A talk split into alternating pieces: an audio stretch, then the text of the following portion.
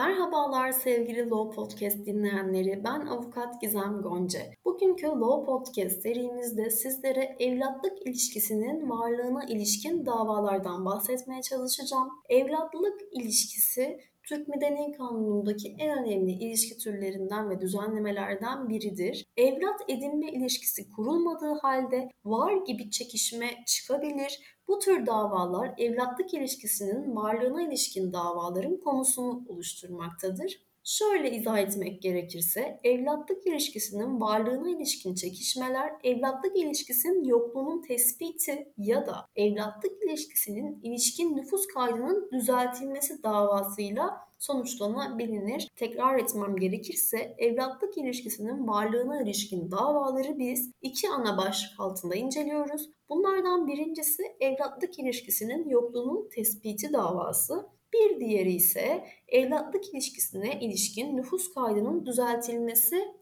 davasıdır. Bu iki başlığı da ayrı ayrı izah etmeye çalışacağım. Öncelikli olarak evlatlık ilişkisinin yokluğunun tespiti davasından bahsetmek istiyorum. Evlat edinmeye ilişkin yok işlem düzeninde hiçbir hüküm ve sonuç doğurmamaktadır. Örnek vermek gerekirse bugün için noterde yapılan evlat edinme sözleşmesi düzenince hiçbir hüküm ve sonuç doğurmaz. Bu sebeple hükümsüzlük bağlamında ayrıca bir dava açılmasına da gerek yoktur. Yok işlem hakim tarafından da kendiliğinden dikkate alınır. Evlat edinmenin yokluğunda hukuk düzeninin öngördüğü şekilde evlat edinme ilişkisi kurulmadığı için işlem kendiliğinden hükümsüz ise de bu konuda çekişme varsa ancak bir tespit davası açabilirsiniz. Bir diğer başlık ise evlatlık ilişkisine ilişkin nüfus kaydının düzeltilmesi davası. Bu da çok sık karşılaştığımız bir dava türü. Çünkü nüfus kaydında bazı yanlış yazılmalar mevcut oluyor. Bu konuda da ne yapmanız gerektiğini size kısaca bahsetmek istiyorum. Evlatlık ilişkisinin varlığına ilişkin çekişmelerden, diğeri de evlatlık ilişkisine ilişkin nüfus kaydının yanlışlığı sebebiyle düzeltilmesine yöneliktir. Bildiğiniz gibi mahkeme kararı olmadıkça kişisel durum sicilinin hiçbir kaydında düzeltme yapılamaz. Kişisel durum sicili kaydına ilişkin düzeltme ancak bu yönde açılacak bir dava ile mümkündür. Peki siz nasıl bir dava açmalısınız? Dilekçenizde neleri yazmalısınız? Bundan da bahsetmek istiyorum. Az önce bahsettiğim evlatlık ilişkisinin yokluğunun tespiti davasında şöyle bir örnek verebiliriz. Tabii ki siz bu davayı mutlaka aile mahkemesinde açmalısınız. Eğer bulunduğunuz bölgede bir aile mahkemesi yoksa o zaman bu davayı Asliye Hukuk Mahkemesi'nde açabilirsiniz.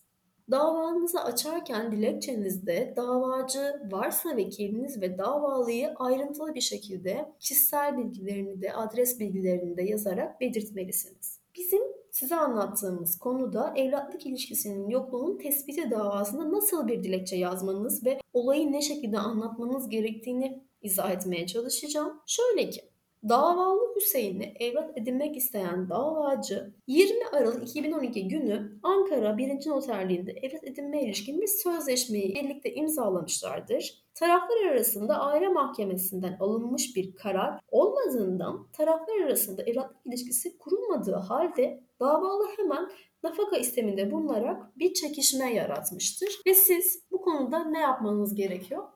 Noterde yapılan evlat edinme sözleşmesi düzeninde de hiçbir hüküm ve sonuç doğurmamasına rağmen bu konuda yaratılan çekişme sebebiyle evlatlık ilişkisinin yokluğunun tespiti davası açma zorunluluğunuzun bulunduğunu da mahkemeye mutlaka belirtmeniz gerekiyor. Az önce de bahsetmeye çalıştığım gibi evlatlık ilişkisinin var olabilmesi için mutlaka mahkemenin bu konuda vermiş olduğu bir karar olması gerekiyor elinizde. Yani siz notere giderek bir evlatlık sözleşmesi düzenleterek bir evlatlık ilişkisini kuramıyorsunuz. Böyle bir ilişkinin kurulabilmesi için az önce de izah ettiğim gibi mutlaka bir mahkeme kararına ihtiyacınız var.